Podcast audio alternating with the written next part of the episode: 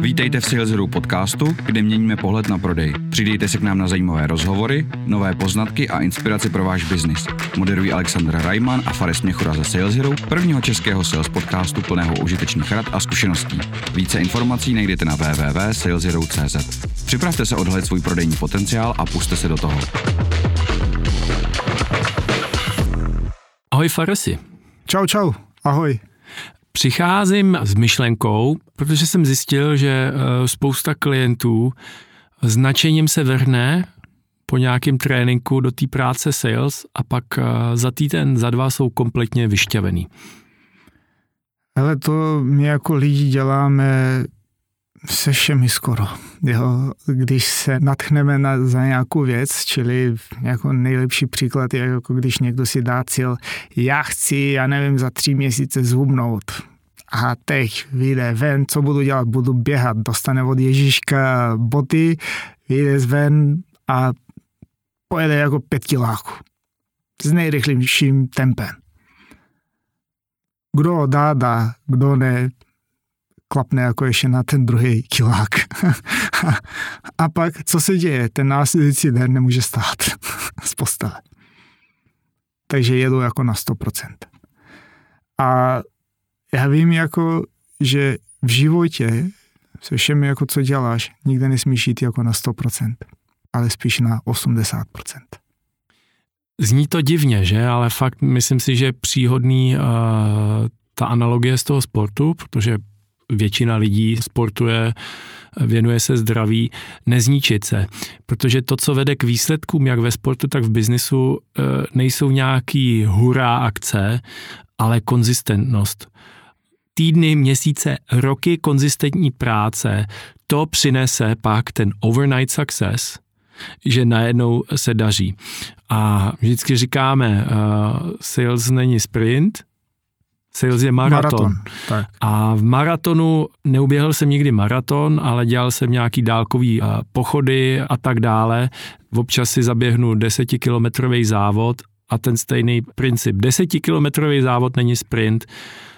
Když jsem v minulosti udělal tu chybu, že jsem to na začátku moc napálil a běžel na 100% svých výkonnosti, tak jsem nakonec byl rád, že jsem rád, že jsem vůbec do cíle došel ale když jsem si volil na začátku takovej ten pace, který vím, že udržím 10 kilometrů, tak to fungovalo a byly z toho hezký časy. A to stejný je to v tom salesu. Ne si naložit každý den tak, že druhý den už potřebuji dovolenou, ale já bych řekl v principu tak, že vím, co jsem ten den udělal a že ještě trochu mám rezervu, ještě trochu bych mohl, ale nechám si tady tu chuť dělat víc na ten druhý den, abych zase chtěl. Já s tebou jako souhlasím, Alexi, jo, protože i v minulosti, jo, když jsem pracoval jako v firmách a tak, tak ten nátlak byl vždycky. Vždycky jako dělejte hodně tady ty aktivit, volajte, volajte, volajte, zavírajte, zavírajte, zavírajte. A co pak to obnáší? Jednak jako ten člověk, ten obchodník se vyšťaví, takže ten následující den nemá chuť ani stát z postele a jít eh, do, do kanclu si dát eh, pár telefonátů. Za druhý, pak, jelikož jsou jako tlačeny, tak začínají dělat chyby při telefonování nebo i při uh, oslovování všeobecně jako i skrz e-mail uh, lidí. A když se jako dovolají nebo osloví někoho, tak pak používají takový blbý techniky, taktik, tak, aby přesvědčili člověka, aby se stal jejím zákazníkem. Jo, možná, možná jako někdo jako na to skočí, jako jo, udělej si pár korun jako navíc, ale prostě to není běh na dlouhou trať. Jak jsem měl zajímavou konverzaci a náš jeden americký klient, tak a, a tam školíme pár silzáků, já jsem mluvil s Elenem a, a Ellen a, říkal v říjnu, super měsíc, uzavřel jsem rekord, 16 nových klientů. Já říkám, wow, to je fantastický, a jak se cítíš? No, jako jsem unavený, blbě spím a já říkám, Super. Tak jsme zjistili, co je tvých 100% a já teď chci, aby si každý měsíc si dal cíl, že uzavřeš 80% ze 16. Dokážu to rychle vypočítat? Nedokážu, to je jedno. Na podcastu to nějak nejde. Každopádně dejme tomu nějakých 12 klientů a zkus každý měsíc optimalizovat tak, aby si vždycky přinesl 12. A on, jak to? Ale teď to jako nechám peníze na stole, ne? Já bych příští měsíc třeba mohl udělat 17 nebo še, zase 16, to je o čtyři více. A říkám, no jo, ale jak dlouho pak tady v té firmě vydržíš? Aha, protože tebe to přestane bavit. Hmm. Ale pro tebe a pro firmu je výhodnější, když vydržíš to tempo dělat dva až tři roky, každý měsíc 12 klientů v pohodě. Možná 80%. Na 80%, ty si vyděláš, firma má dva až tři roky jistotu těch příjmů versus když teďka tři měsíce pojedeš na dřeň a pak se na to vykašleš a půjdeš do nové firmy a tam uděláš to eh, stejný. A to byl velký aha moment pro něj. Všichni jako jsme zažili tady ty věci, i naši posluchači určitě jako zažívají nebo zažili uh, tu věc, dodat jako na 100% výsledky. Tak ať nám někdo napíše, kolikrát v tom roce ty lidi byli na 100% plus. Kolikrát?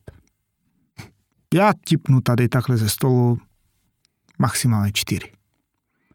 Ale ať tomu mi řeknou, jak se ty lidi jako pak cítí. Jo, když dodávají 100 plus procent konzistentně. Jsou unavení. Ale jak si to uznají sami. Jo, protože i já jsem byl jako na tu stranu, kde jsem se snažil jako sám sebou jako bojovat, aby jsem dával víc telefonátů, víc obchodu, hele, podařilo se mi xkrát, jako když jsem dosáhnul jako 120% jako svých cílů, i když jsem byl manažer, Dostal jsem za to velkou pochvalu, eh, že se 70% kapacitu týmu, tak jsem dosáhnul 120%. Ale půlka týmu mi odpadnul pak. Neměli chuť pak tu práci dělat. No pak ty následující měsíce, tak byli jsme rádi za 65%. To je možná zajímavý princip z letectví, nebo všeobecně, když se navrhují stroje. Ale v letectví třeba vezmeme si stíhačky vysokovýkonnostní. Tak co se stane, když taková stíhačka létá na 100% svých možností, takzvaně at the edge of the envelope? Svoří. Rozpadne se, rozpadne se, něco se stane. Čili když se designují ty stíhačky, vysoce výkonný stroje, tak jsou nějaký technický parametry v tom designu, který třeba řeknou, může to lítat do výšky 15 tisíc metrů, může to mít maximálně přetížení, než se to rozpadne, 12G, eh, může to lítat maximální rychlostí 1,5 machu nebo něco hmm. takového.